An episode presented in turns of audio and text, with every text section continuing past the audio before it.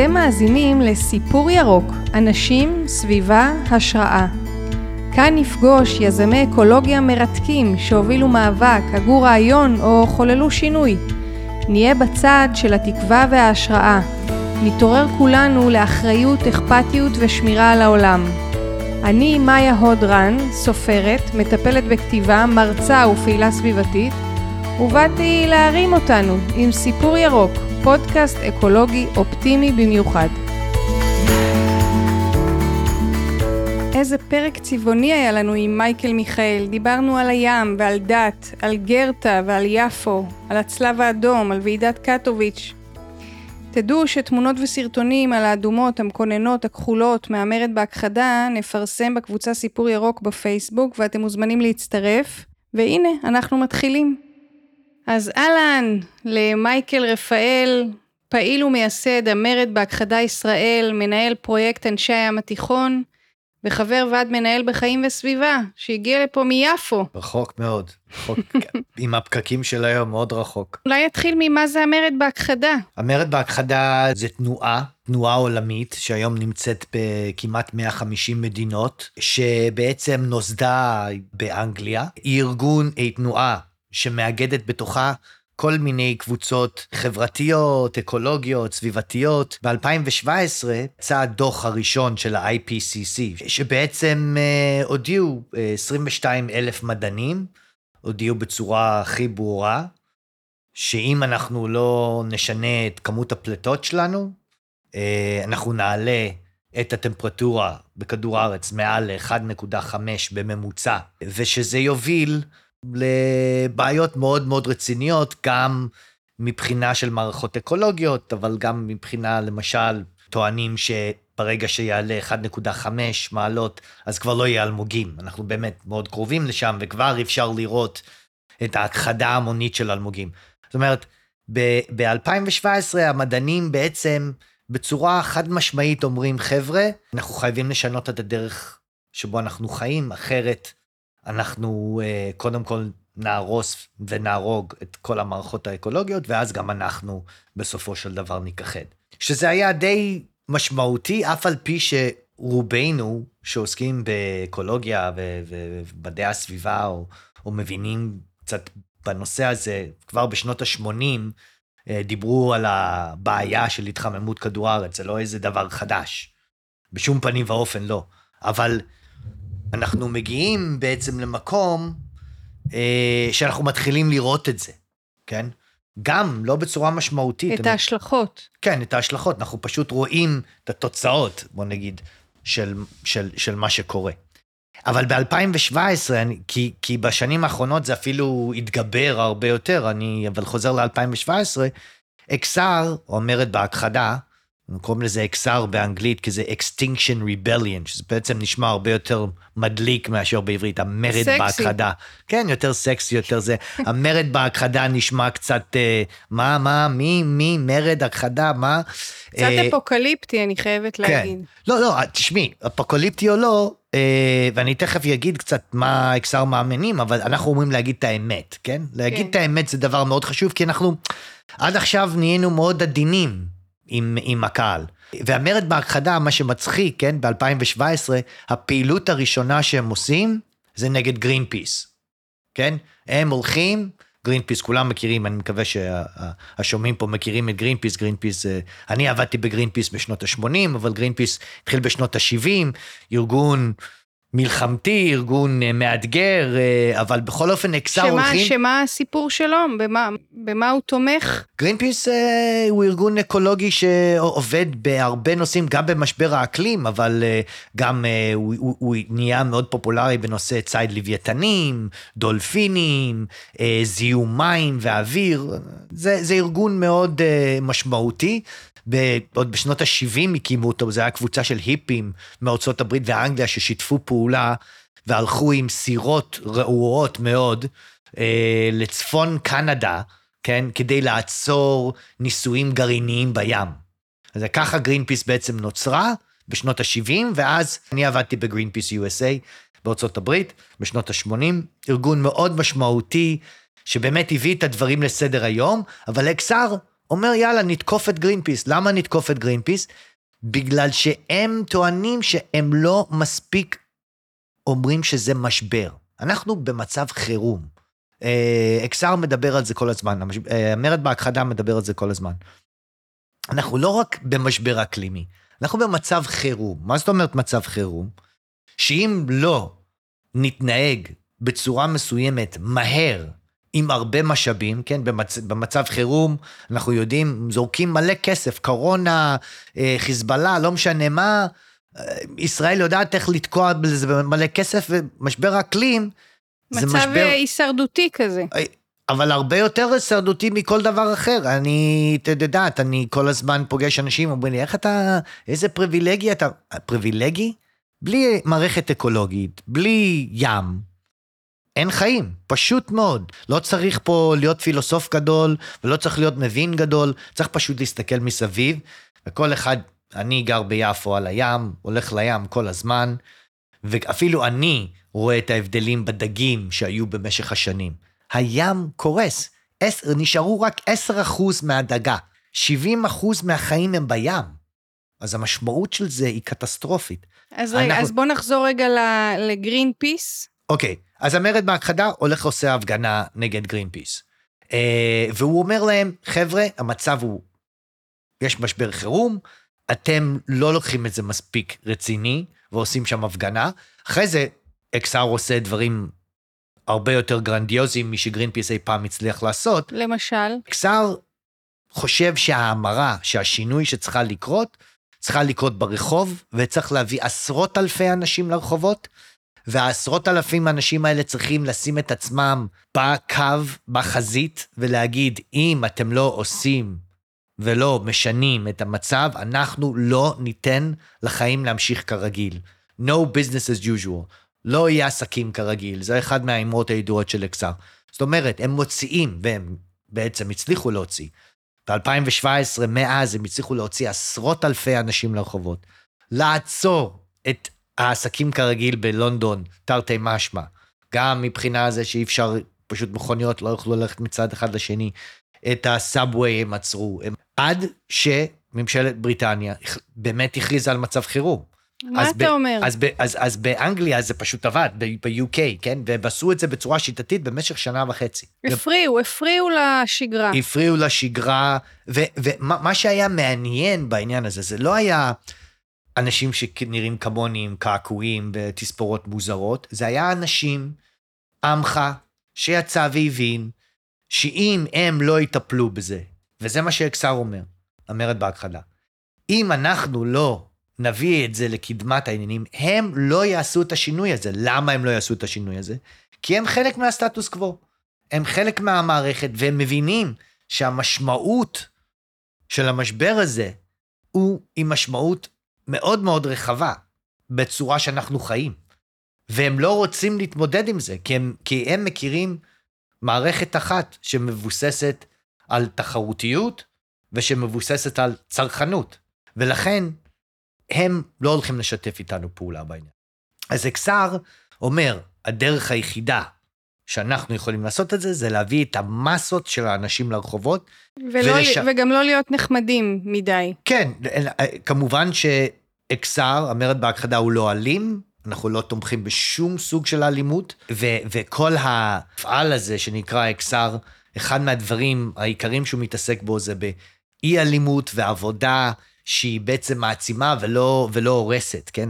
הרעיון של אקסר הוא באמת שהקהילה עצמה תיקח את, את האחריות על החזון, על לאן אנחנו הולכים. הרבה, הרבה אנשים שואלים אותי, נו, אז מה, ומה החזון של אקסר? מה יהיה בעוד 20 שנה? אז זה בדיוק הבעיה, אנחנו גרים במערכת שתמיד החליטו בשבילנו מה הולך להיות. אבל עכשיו, אנחנו צריכים, כאילו, העבודה שאקסר רוצה לעשות, זה באמת לעבוד עם הקהילה, לתת לה את הכלים להחליט בעצמה.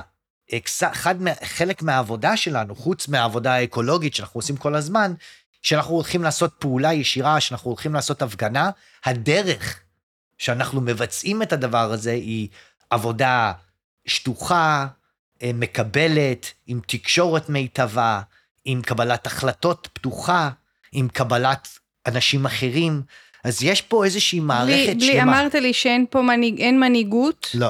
אז איך באמת עובדים? מה, מה זה צורת העבודה הזאת? זה מעניין, כי הרבה פעמים ארגונים כאלה לא מחזיקים מעמד לאורך זמן, בגלל שאין היררכיה, או אין אה, כסף, או כל מיני נכון. דברים. נכון, זה, זה אין ספק שארגונים אה, או תנועות שהן מבוזרות, שאין שם היררכיה, שאין תקציבים, אה, זה מאתגר. מצד שני, זה מאפשר חופש פעולה ופתיחות וקבלת החלטות ודברים אחרים, תהליכים אחרים קורים בתוך תנועה כזאת, שהם הרבה יותר מעצימים מתנועה שהיא היררכית. כי אנחנו, אחת מהבעיות היא שאנחנו לא יודע, קשה לנו לפעול אה, מתוך אחריות עצמית ומתוך אה, עזרה הדדית. אנחנו לא יודעים כל כך לפעול במנגנון הזה. אנחנו רגילים לקבל אה, דברים אישיים, לקבל אה, רווח ישיר מפעולה שאנחנו עושים, והנה פה אנחנו בעצם מביאים דבר אחר, אנחנו אומרים, המערכת הזאת, שמבוססת על תחרותיות וצרכנות, היא בעצם אומרת, סוף עידן האנושות.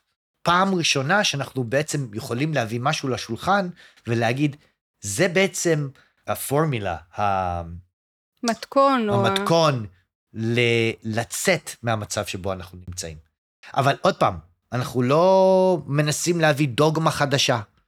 אנחנו טוענים שדוגמה זה אחד מהבעיות עם בני האדם. ברגע שהאדם מאמין שלא יש את האמת, כן, שזה דוגמה, שיש לך את האמת ואת כל המרכיבים של האמת, אתה לא ממש שומע את כן, הצד אבל השני. אתה יודע מה הטענה הרבה פעמים כלפי אה, מהפכנים, שהם יודעים להגיד טוב מאוד מה לא, אבל הם לא יודעים להגיד מה כן. וזה לפעמים יוצר משהו מרתיע. מה ההצעה? מה... XR, אה, אה, XR מציע דברים מאוד מאוד קונקרטיים, כן?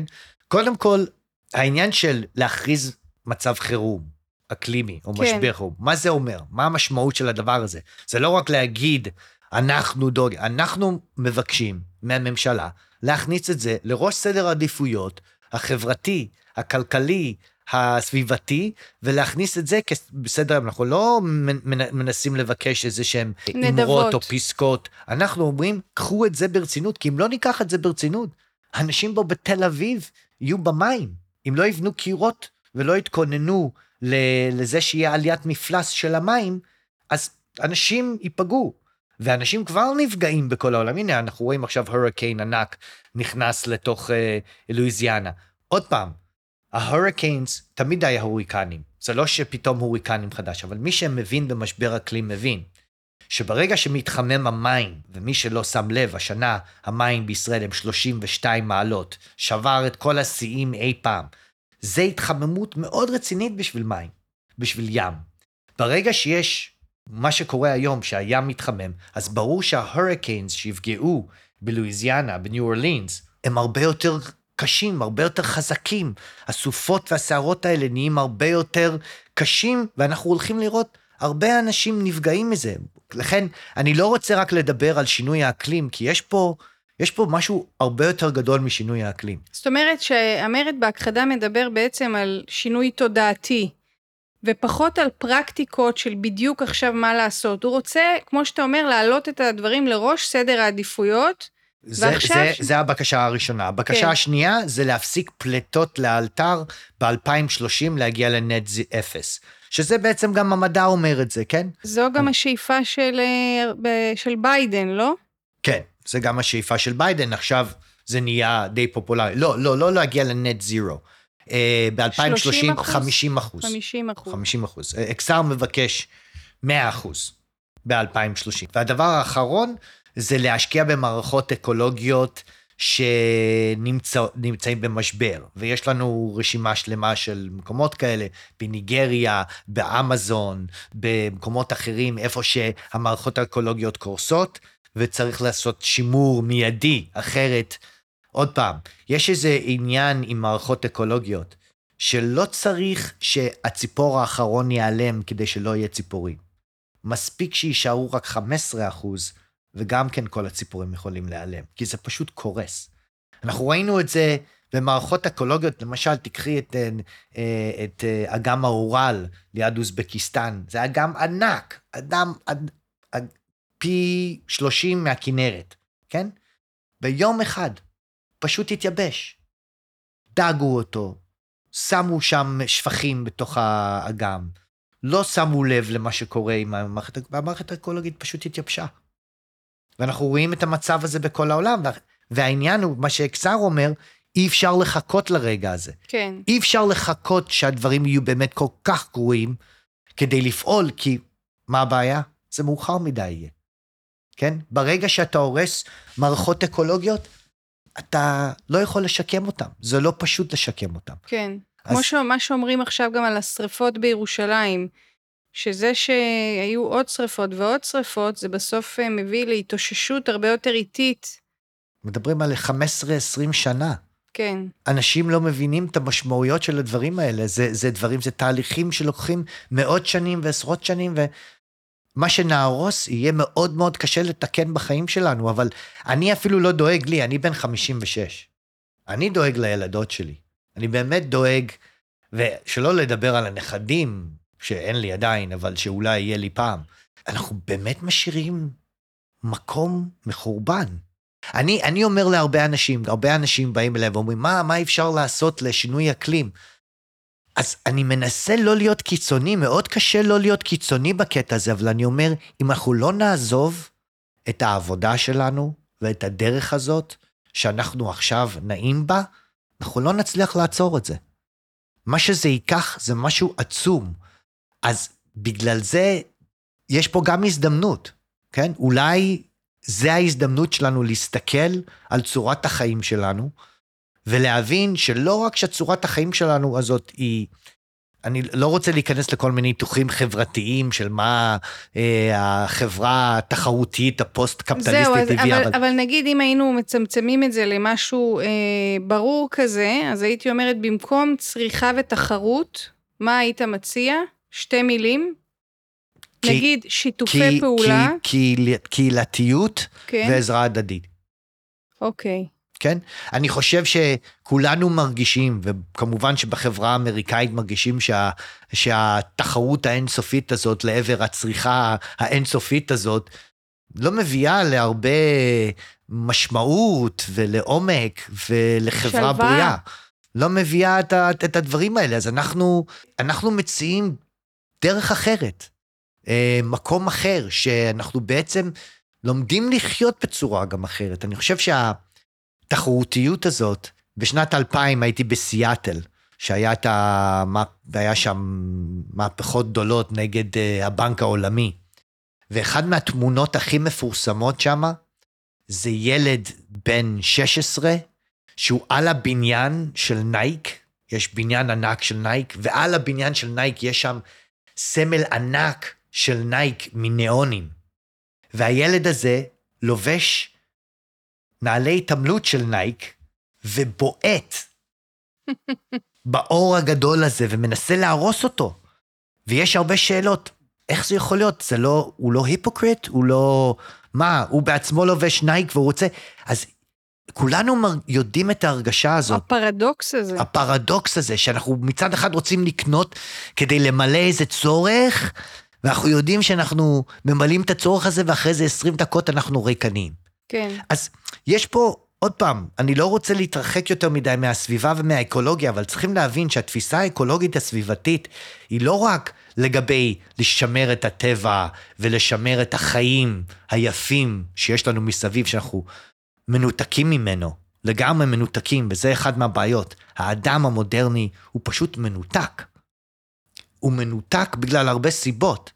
אז אתה, אה, אתה מדבר על משהו עמוק יותר, שהוא, שהוא איזה סטייה מה, מהדרך של איך שהתנהגו כאן בעולם עד לפני שהתחילה המודרניזציה.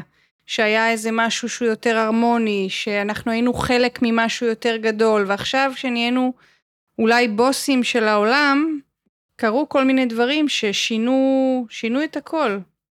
תראי, אחד, אחד מהדברים ש, שביקש ממני לשים כותרות, אז אחת מהכותרות שאני שמתי זה שאני, שאני נלחם כל החיים שלי ונשאר באותו מקום. קרה תזוזה בעניין הזה, אבל אני, אני, אני גדלתי דתי, חרדי, איך שתרצי לקרוא לזה. מה אתה אומר? אה, לא אה, נראה. כן. אמ, בארצות הברית? לא, פה בארץ. בארץ? אבל אה, יש לך מבטא, אז מאיפה הוא? כן, המבטא שלי הוא מגיל חמש, לצערי, אני חייב להגיד. אבל ביליתי הרבה זמן בכל מיני מקומות, גם חייתי, עשיתי הר- הרבה דברים בחיים. אבל uh, בגיל חמש בערך, אבא שלי לקח אותי מאימא שלי, uh, שהיא, פורטוגזית, נוצרייה, לקח אותי ואת אחי, בניגוד לרצונה, ופשוט הביא אותי לארץ, התחתן עם אישה דתייה, והקים בית דתי. יש לי חמישה אחים ואחיות שהם אה, דתיים, שבעה, שמונה ילדים כל אחד. אבל אה, רגע, נולד, אתה נולדת בארץ? לא, אני נולדתי בארצות הברית. אה. אבא שלי לקח אותי מארצות הברית ועליתם והביא אותי, לארץ. הביא אותי, כן, מהמם. ישר לירושלים ולשכונות, וכן. אז כל החיים שלי, וכמובן שאחרי זה אני עזבתי את הדת, ואני אני בגיל 14 ברחתי מהבית לסיני באותה תקופה, ועזבתי את הדת, ומאז עברתי הרבה תהפוכות ושינויים. אבל אחד מה... הרבה הרבה, הרבה שנים הייתי מאוד אמביווילנטי לגבי הדת. זאת אומרת, מ, מ, תמיד רציתי לשמור על איזשהו איזון של אה, לראות את הדברים שכן, שלא הכי נעימים ב, ב, בדת שלי ובמסורת שלי, ולקבל דברים אחרים שהם, שהם כן מביאים איזה מוסר ו, ו, ו, ומשהו לעולם. ורק, בוא נגיד, לפני אולי שבע שנים, משהו כזה, איכשהו ניתקתי מזה. אמ, והסיבה שניתקתי, שפתאום הבנתי, כי מה שהזכיר לי את, אה, על, מה שאני מדבר עכשיו, זה שאמרת שהאדם נהיה הבוס של העולם. אז אני חושב שהאדם נהיה הבוס של העולם, קודם כל בצורה פילוסופית, ורק אחרי זה הוא באמת הלך, ואני אומר באמת ובלשון זכר, כי זה באמת הגברים בעיקר הלכו ורמסו ורצחו את מה שנשאר, מה שיש בכדור הארץ. אבל התפיסה היהודית, אחד מהדברים שפתאום נחת עליי לפני שבע שנים, שכל השנים האלה, גם אחרי שלא הייתי כבר דתי, וגם שהייתי רדיקלי מאוד, עדיין התפיסה הבסיסית הזאת שהאדם הוא מלך הארץ, שכאילו האלוהים ברא את העולם בשבילו, אפילו, אני אומר את זה בשבילו, בשביל הזכר, כי זה לא כל כך ברור מה אישה קיבלה בכל כן, המסורת בכל, הזאת. בכל הדיל הזה. אבל זה בעצם אחת מהבעיות, כאילו, אני פתאום הבנתי שהיהדות היא חלק גדול מהתפיסה הזאת, כי האסלאם והנצרות גם כן עם אותו תפיסה שהאדם הוא במרכז ההוויה וכאילו שהכל נוצר לעימנו, הוא, הוא חלק מהניתוק שלנו.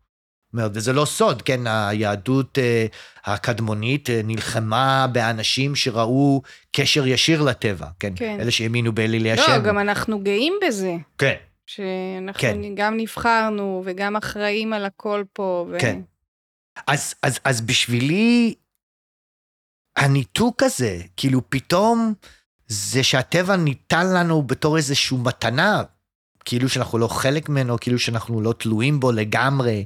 השינוי הגדול שלי זה היה, כי דעות פוליטיות שיניתי, כשגדלתי אז היה לי תפיסה טיפוסית של דתי, איך דברים צריכים להתנהל, ואחרי זה הייתי, נה- נהייתי שמאלני, אז היה לי דעות אחרות שצריך לשמור על אנשים, אבל הכל היה באמת מבוסס ומרוכז סביב האדם, ולא הבנתי עד כמה אנחנו מנותקים מהעולם מסביבנו.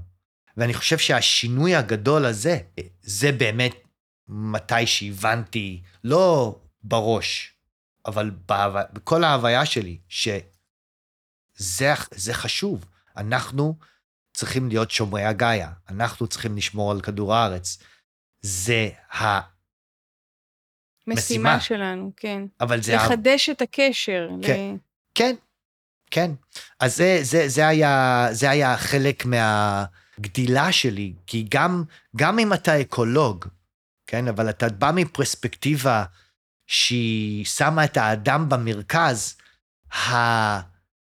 הצורה שבו אתה פועל היא קצת שונה. זאת אומרת, אתה בא להציל את הטבע כדי להציל את האדם, ואתה לא קולט שזה מערכת אחת, כן. ואנחנו צריכים, אנחנו צריכים לתקן אותה כל הזמן, וזו האחריות שלנו. היה כאן אה, דוקטור אלון אלירן, שדיבר פעם באמת על ההפרדה, על העניין הזה שכל הזמן אנחנו מתעסקים בהפרדה. ומה שאתה אומר גם, זה, זה העניין הזה של להבין שאין הפרדה. אנחנו תלויים אחד בשני, זאת מערכת אחת. לגמרי. תראי, אני, אנחנו גרים בישראל. הרבה אנשים אומרים, איך אתה יכול להתעסק בדבר כזה פריבילגי? יש פה אנשים, 2.8 מיליון אנשים חיים בכיבוש בשטחים הכבושים. 1.5 מיליון אנשים גרים בעזה. איך אתה, איך אתה לא רואה את זה? וזה, וזה בדיוק הניתוק. כי האנשים האלה ששואלים את השאלות האלה, הם גם רואים את ההוויה של האדם במרכז ההוויה, כאילו שזה המרכז של העולם. אבל אני עבדתי גם בבוזניה, גם בקוסובו, גם בבורמה, גם בפיליפינים. עבדתי בהרבה מקומות, 20 שנה, זו הייתה העבודה שלי. עבדתי בבעיות בין בני אדם. אני פסיכולוג חברתי בסופו של דבר. אני מרגיש שאם אנחנו נישאר במקום הזה וננסה לפתור את הבעיות האלה, אנחנו לא, לא, לא נגיע לעניין המרכזי. כן. אני לפעמים חושב שאם אולי נשנה את המבט, ובמקום, אה, את יודעת, שזוג מתחיל לריב והוא רואה את זה כהדבר המרכזי בחיים שלהם, הם לא יוצאים מזה הרבה פעמים. כי זה כל הזמן תופס, הם לא עוסקים בדברים אחרים. אז אולי אם אנחנו בתור בני אדם נבין, ואני חושב שהקורונה הביאה את המסר הזה. אנחנו תלויים אחד בשני, אין דבר כזה לחיות פה ולא שם, ושם פה לזהם ושם לא יזהמו, זה לא, אנחנו אחד.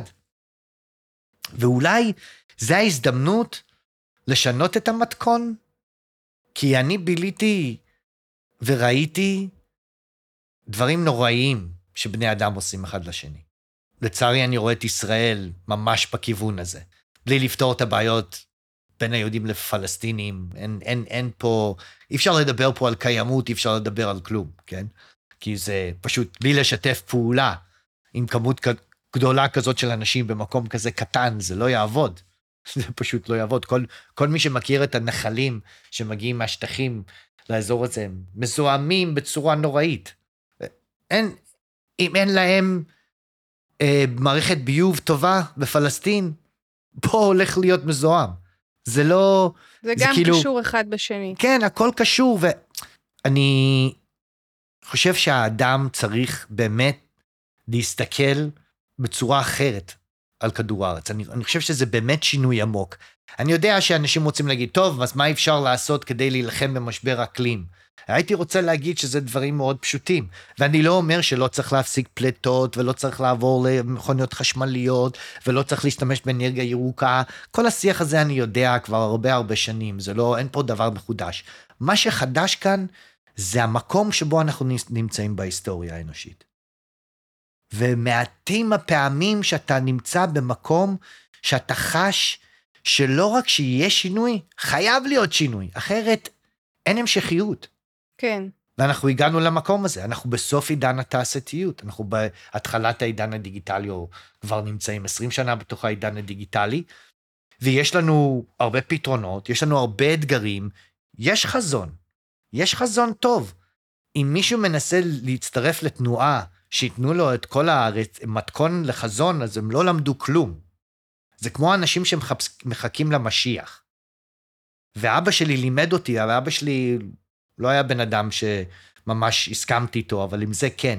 משיח זה משיח. יפה. כן?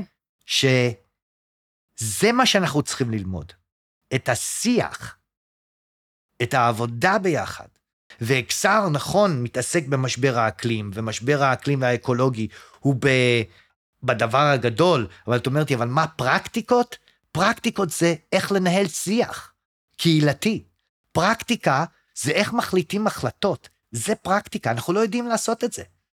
אז תגיד, איזה דברים באמת אה, עושה המרד בהכחדה? איזה פעולות כן פרקטיות או דברים... אה... תראי, קודם כל, אז, אז, אז כתוצאה מהצורה, הצורת המרה של, המ, של, של המרד זה פעולה.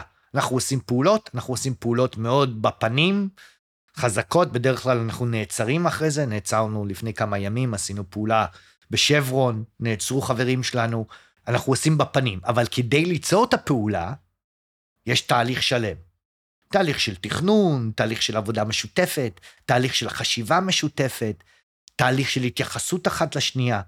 עכשיו יש למשל, אחד מהכלים שאקסר באמת השתמש בו, זה נקרא ועידה אזרחית. אני לא יודע אם שמעת על הנושא הזה של ועידה אזרחית, זה התפתח מאוד בארץ כרגע.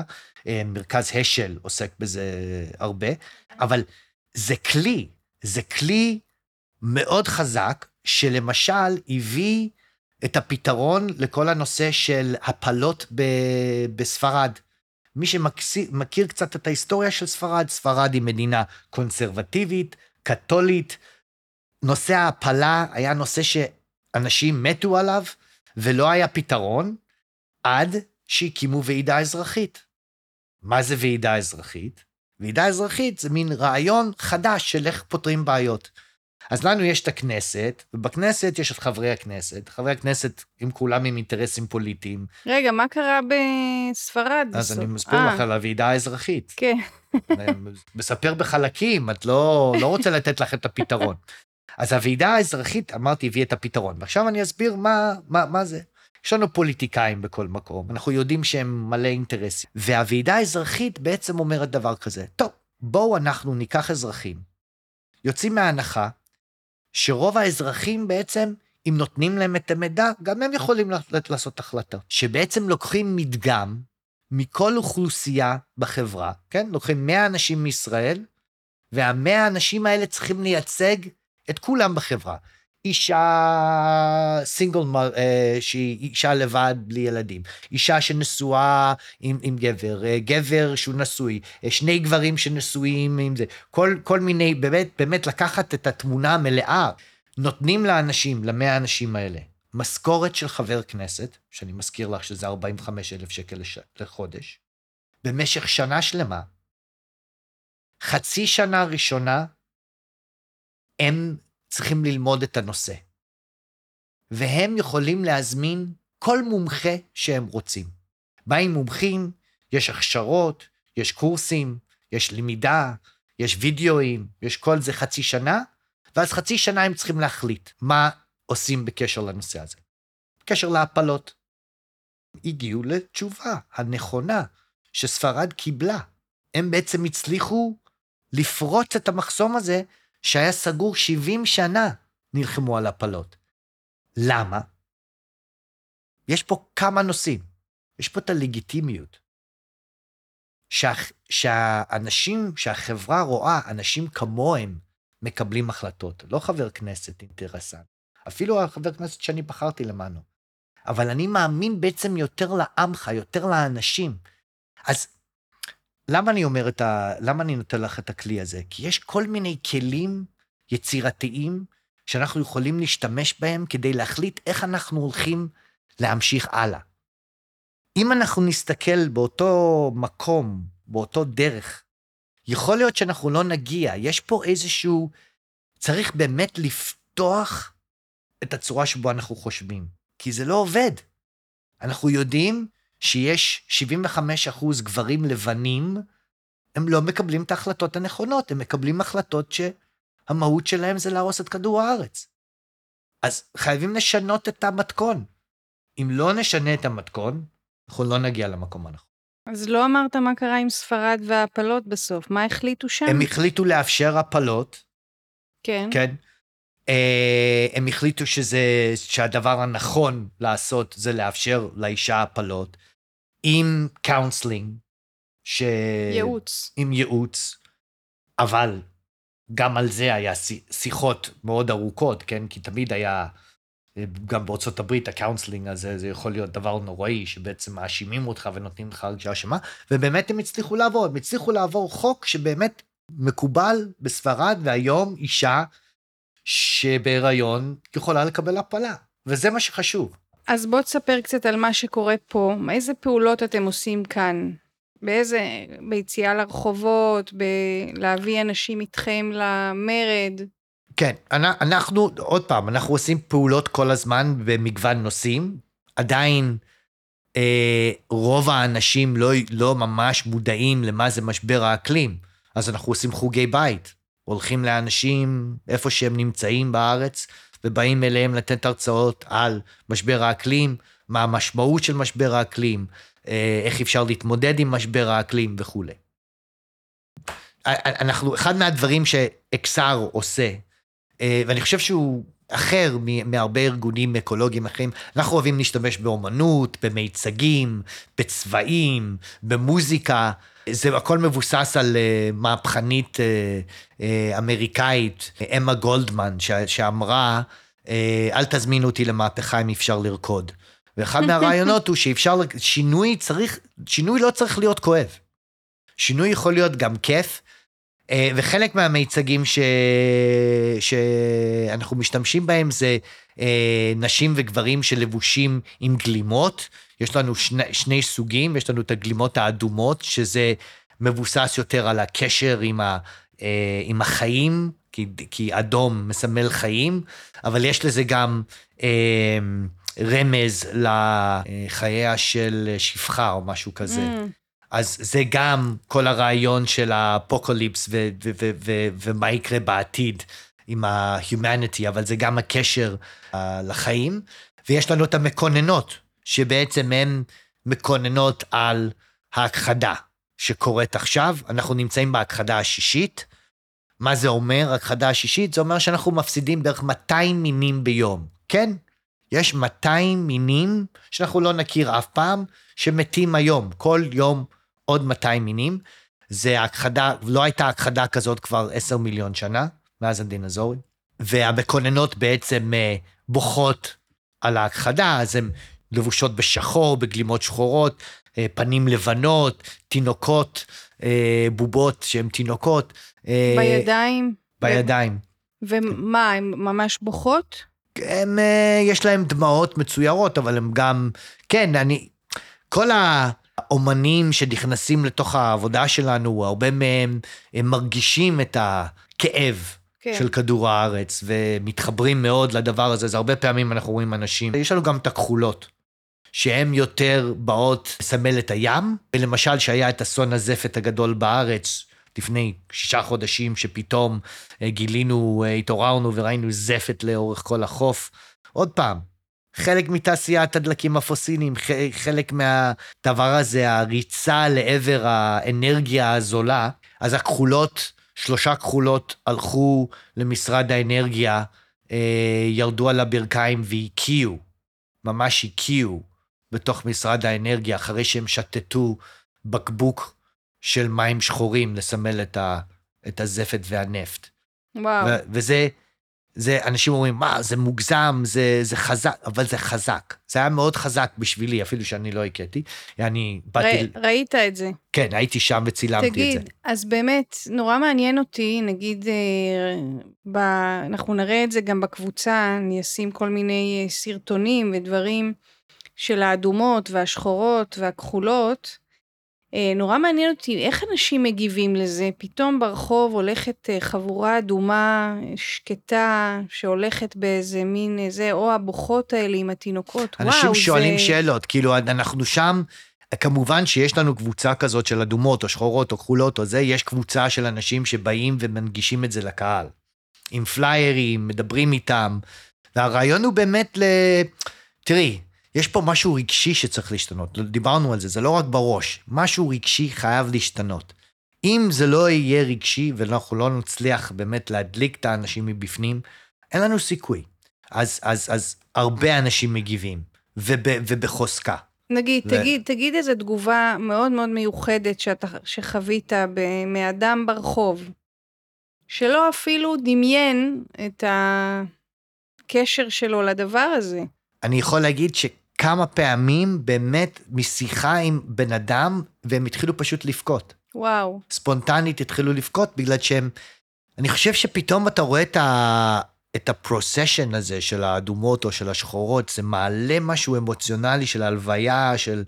זה, זה עושה אותך יותר רגיש פתאום. בטח. היה, הייתי בקפה יאפה לפני כמה ימים, שזה קפה פלסטיני יהודי בשכונה שלי ביפו. וכולם מדברים שם על פוליטיקה וכל מיני דברים, ו...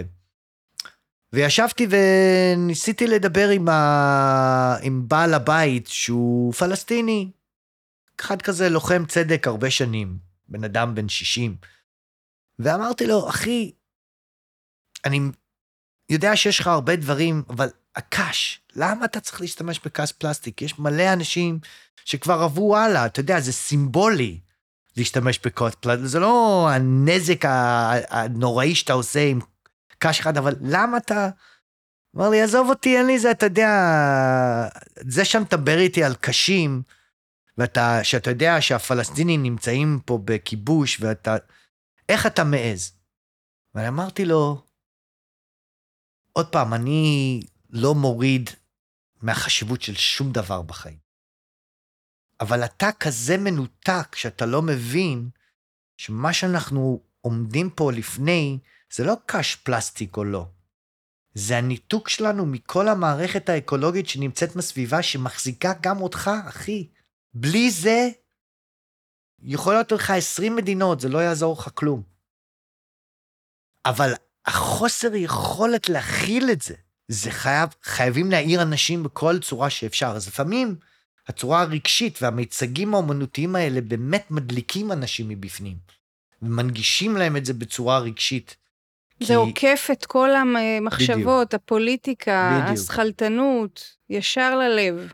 בדיוק. העבודה שלי ב... עם הצלב האדום הרבה שנים, לפני שעזבתי ב-2017, כי הגעתי לפה לפני חמש שנים שוב, אחרי שלא הייתי בארץ. רגע, אז בוא... כן, תגיד קצת את, ה, את הסדר העניינים. אמרת גיל חמש, באת לארץ. כן, אז עד... גיל 14 עזבת את הבית. עזבתי את הבית, הלכתי לגור בסיני. גרתי בסיני תקופה של שישה חודשים, משהו כזה. ואז אה, הייתי בקשר עם אימא שלי, והיא לקחה אותי חזרה לארה"ב. אה, נסעתי להוואי. אתה לא... חידשת על דעת עצמך את הקשר? זה לא, לא היה בדיוק ככה, אני הסתבכתי עם המשטרה קצת, אה, בגלל הבריחה שלי מהבית, אה, היו שם כל מיני... המשטרה הישראלית. הישראלית, כן, כי אני גרתי בנואבה בתקופה הזאת, ונואבה הייתה עדיין תחת שלנו. שלטון ישראלי. כן, זה היה בפעימה הראשונה. אז אה, כן, שם השתחררתי מה... מכל העניין הזה, ואז עברתי לגור עם אמא שלי, בגיל 18 חזרתי לארץ, הייתי באוניברסיטת תל אביב. מה עשית שם? הייתי, למדתי מדעי המדינה וכלכלה, למדתי פילוסופיה. אחרי uh, ה-BA שלי נסעתי לארצות הברית, התחלתי לעבוד בגרין פיס. כשגרתי בארץ, uh, הקמנו קבוצה שנקראת רעות צדקה, קבוצה יהודית פלסטינית, שבעצם עבדה גם עם אנשים באוניברסיטה, אבל גם עם נוער. כמו תנועת נוער, אה, שקירבה בין יהודים ופלסטינים, ובאמת זה, זה היה איזושהי מין התנסות מאוד חשובה. אני גם, גם אה, אזרח פורטוגזי, בגלל שאימא שלי פורטוג... פורטוגזית, אז אני, היה לי עבודה עם מועצת אירופה, ובעצם זה הוביל אותי לקריירה של 20 שנה שעבדתי בשביל מועצת אירופה בתור דיפלומט, ועבדתי בכל מיני אזורי קונפליקט בעולם כמומחה לנושא הזה. זה היה בעצם ההתמחות שלי הרבה הרבה שנים. מה, זה מה שאמרת על זה שהיית ברואנדה ובקוסובו, כן, כל אלה? כן. שזה כן. היו אזורי קונפליקט שמה באת ועשית בהם? העבודה שלי הייתה בעצם להקים פרויקטים קהילתיים, יחד עם הממשלה או, ה, או הרשות המקומית, שבעצם יכולה לקרב בין האוכלוסיות שנמצאות בקונפליקט. אז זה יכול להיות נגיד דוגמה, זה בקוסובו, הקמתי רשת אה, של אה, אה, מרכזי גישור, שבמרכזי גישור האלה עבדו גם סרבים, שזה היה השליט, וגם אלבנים. ואימנתי גם את האלבנים וגם את הסרבים בגישור, והם בעצם ניהלו את המרכז לגישור, והיו יכולים לקבל אזרחים אחרים, אז בעצם אזרחים גישרו בעיות של אזרחים אחרים, והקימו פרויקטים אה, משותפים. וואו. אז זה, זה דוגמה, אבל עשיתי באמת כל מיני דברים, אה, מדברים בחינוך הפורמלי, ועד דברים באוניברסיטאות, ועבודה עם צעירים בממשלה, ובאמת כל אבל מיני... אבל יש לך איזושהי פרספקטיבה על אזורי קונפליקט, לא רק מכאן, אלא מכל העולם. מכל העולם. היה תקופה שהייתי לוקח אה, יהודים ופלסטינים מישראל, ונוסעים לבוזניה, להיות שם עשרה ימים, כדי להראות להבין להם... להבין מה זה קונפליקט. להבין איפה, לאיפה זה יכול להגיע. Mm. הייתי תמיד מתחיל, יש לי את החדשות הטובות ואת החדשות הרעות. החדשות הטובות, המצב בישראל לעומת בוזניה, נהדר. החדשות הרעות, זה יכול להיות להגיע ככה לשם, בדיוק. וואו. הטעימה הזאת של הפרעות שהיו לפני שישה חודשים, שכולם, שאני ביפו, ברחוב שלי, אני גר ברחוב מאוד יאפי, יהודה מרגוזה, כולם ברחו. כולם. זה היה פשוט מטורף. לא היה בן אדם אחד שנשאר בבית, הם כולם ברחו, כי שרפו את הבניין שלי, במקרה גם זרקו בקבוק מולוטוב עליו. אבל פשוט כולם ברחו. כן? אנחנו נשארנו, היינו אחת מהמשפחות היחידות שנשארו שם. באמת, זה היה כמו מוות. ולא היה סגר, לא היה כלום. פשוט אנשים פחדו לצאת לרחוב. וואו. ואמרתי לעצמי, וואו, העמידות של ישראלים, אין עמידות. יש פחד. יש פחד, היום, כן, אבל כל אחד מפחד. זה, זה נתן לי לשאול הרבה שאלות. בתור בן אדם, למה אני באתי לפה? אז מה באמת, אז, אז אתה אומר שהסתובבת בעולם עם כל הפרויקטים האלה, ואז מה? איך החלטת להשתקע פה חזרה? אז זהו, אז היינו ב-2012 חזרתי לארה"ב, כאילו עבדתי ב- בכל העולם, כאילו אשתי ושני הילדות שלי גרו בוודסטוק, ניו יורק, והייתי חוזר לשם בתוך תוך כדי הפעילות שלי.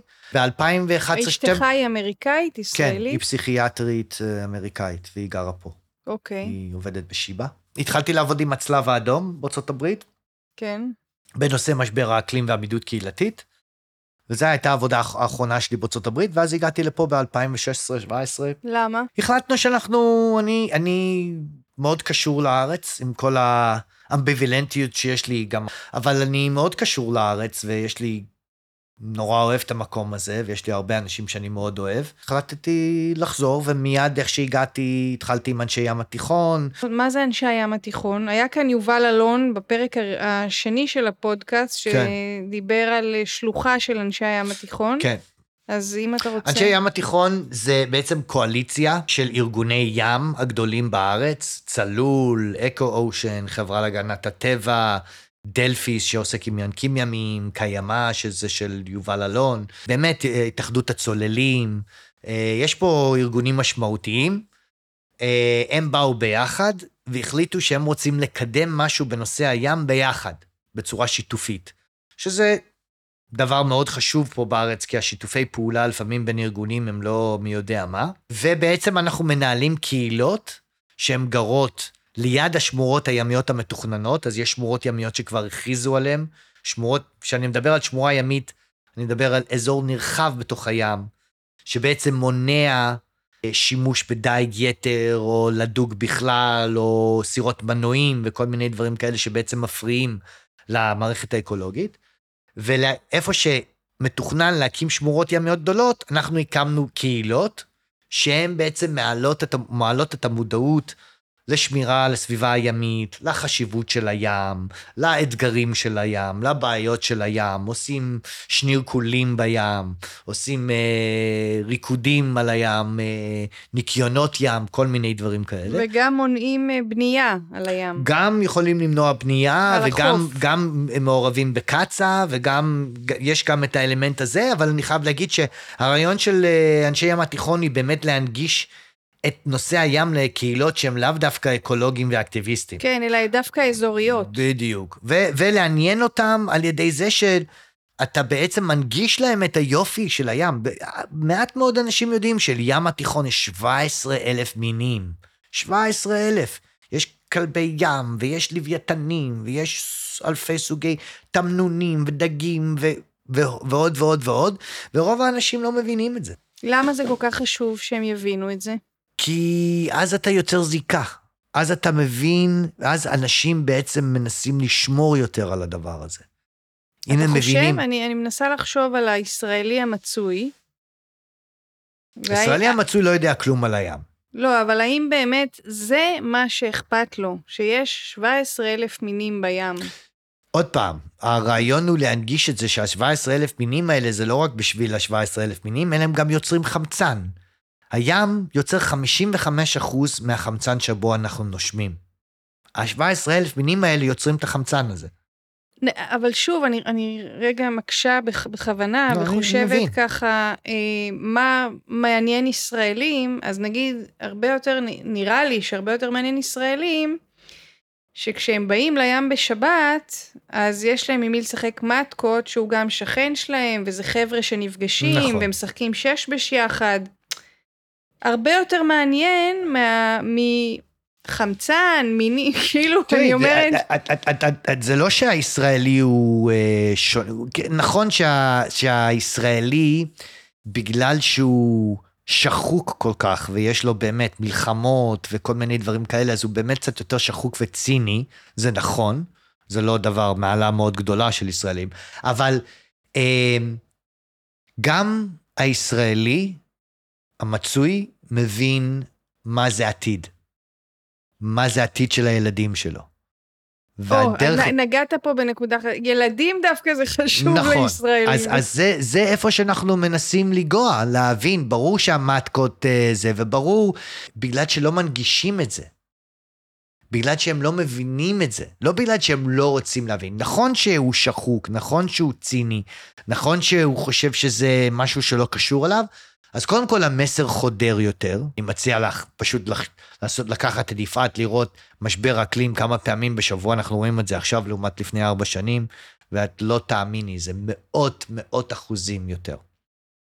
אז זה יחדור, וגם כמו כל אדם אחר לא מודע, שזה נותן לך כאפות ישירות, אז אתה מתחיל להיות מודע. אז איזה כאפה ישירה אך, יש ל... בתוך קהילות אנשי הים התיכון? 35 מעלות חום באמצע מאי זה כאפה. שריפות זה כאפה. הבנתי. זה, אין מה לעשות. אוקיי, אז אה, הסיפור של אה, ועידת האקלים הבינלאומית בקטוביץ', פולין, הייתה בשבילך גם איזושהי נקודת מפנה?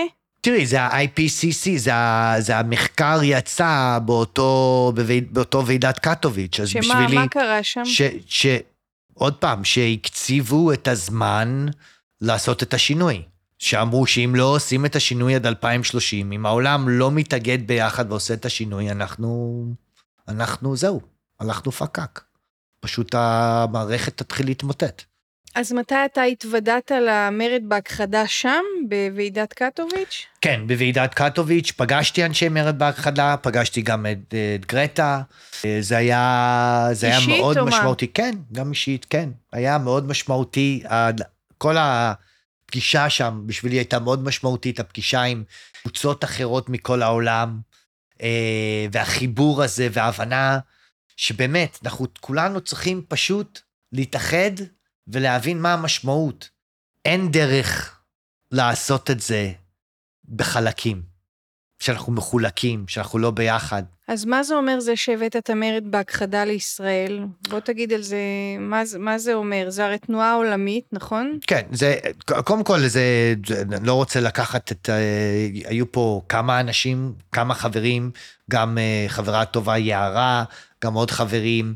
שגם נסעו איתי לקטוביץ' וגם הם הרגישו את העוצמה הזאת של וואו, חייבים לעשות משהו ועכשיו, אה, והמסר הזה של אקסר, של צריך לעשות עכשיו, act now, לא לחנך, לא לעשות מחזור, לא, עכשיו צריך לפעול, עכשיו צריך לקום על הרגליים ולבקש משהו אמיתי שיקרה עכשיו. אז כשהגענו לישראל, ישר יצרנו איזושהי פגישה, הגיעו מאות אנשים, ממש, זה היה מדהים. הגיעו פשוט מאוד, מאות אנשים מכלום, וישר יצאנו לפעילות, אה, קמו אה, קבוצות עבודה, קמו אה, קבוצות גם בחיפה, בירושלים, בפרדס חנה, בתל אביב. קמו קבוצות והתחילו לפעול, ואנשים התחילו לקחת דברים ולפעול בעצמם, וזה היה הכי כיף לראות. שפשוט אנשים לקחו את, ה, את המסר ואת היצירתיות, והחליטו שהם הולכים, האדומות קמו לבד, המקוננות קמו לבד, פשוט ממש, ממש יפה. ואני חושב שהיינו משמעותיים פה. נתנו איזה רוח גבית אה, למשבר האקלים והנושא הזה, משהו פרש. ככה מתקרבים לסיום, אז מה התחזית האופטימית, האופטימית שלך, אם הכל פתוח ואפשרי, מה אתה חושב שיקרה כאן באזור, בעולם, בשביל הבנות שלך, בשביל העולם כולו, בשביל הטבע כולו? אה, אני הייתי רוצה להגיד דברים אחרים, אני כן רואה אור מבחינת זאת שאני רואה את העולם מתעורר. אני רואה את מה שקרה עכשיו בארצות הברית, אני רואה מה שקרה, מה שקורה באירופה, יש שינויים מדהימים מבחינה של אקולוגיה. אני נוסע לגלסקו, לכנס האקלים שהולך לקרות בעוד חודש וחצי, ונושא הים נכנס כחלק, נושא עיקרי, כי כולם הבינו פתאום שהים, בלי הים אין, אין, אין כלום, אין ים, אין שום דבר, אין אוויר, אין, אין כלום, אין חיות, אין כלום, זה פשוט באמת נראה כאילו שאנחנו מתעוררים. אני דווקא רואה את המקום שלי עכשיו, בגלל שאני רואה את העולם מתעורר למשבר האקלים, דווקא עכשיו לעשות את הקשר בין המערכת ההזויה הזאת של גברים לבנים שחושבים שאפשר אה, אין סוף צמיחה, אין סוף שאיבת משאבים ו-everything's gonna be okay. צריכים להתעורר למשבר האקלים ולהבין שאי אפשר להמשיך ככה. ואולי אפשר להגיע למקום הרבה יותר מעניין, עמוק ו- ומדהים, שבו אנחנו לומדים לחיות ביחד במקום שראוי לו, כחלק מהטבע ולא כשליט. יש ניצוצות, אני חושב שיש ניצוצות ויש התעוררות. אין זמן. זה הבעיה. ואני מקווה שזה עובר בפודקאסט הזה.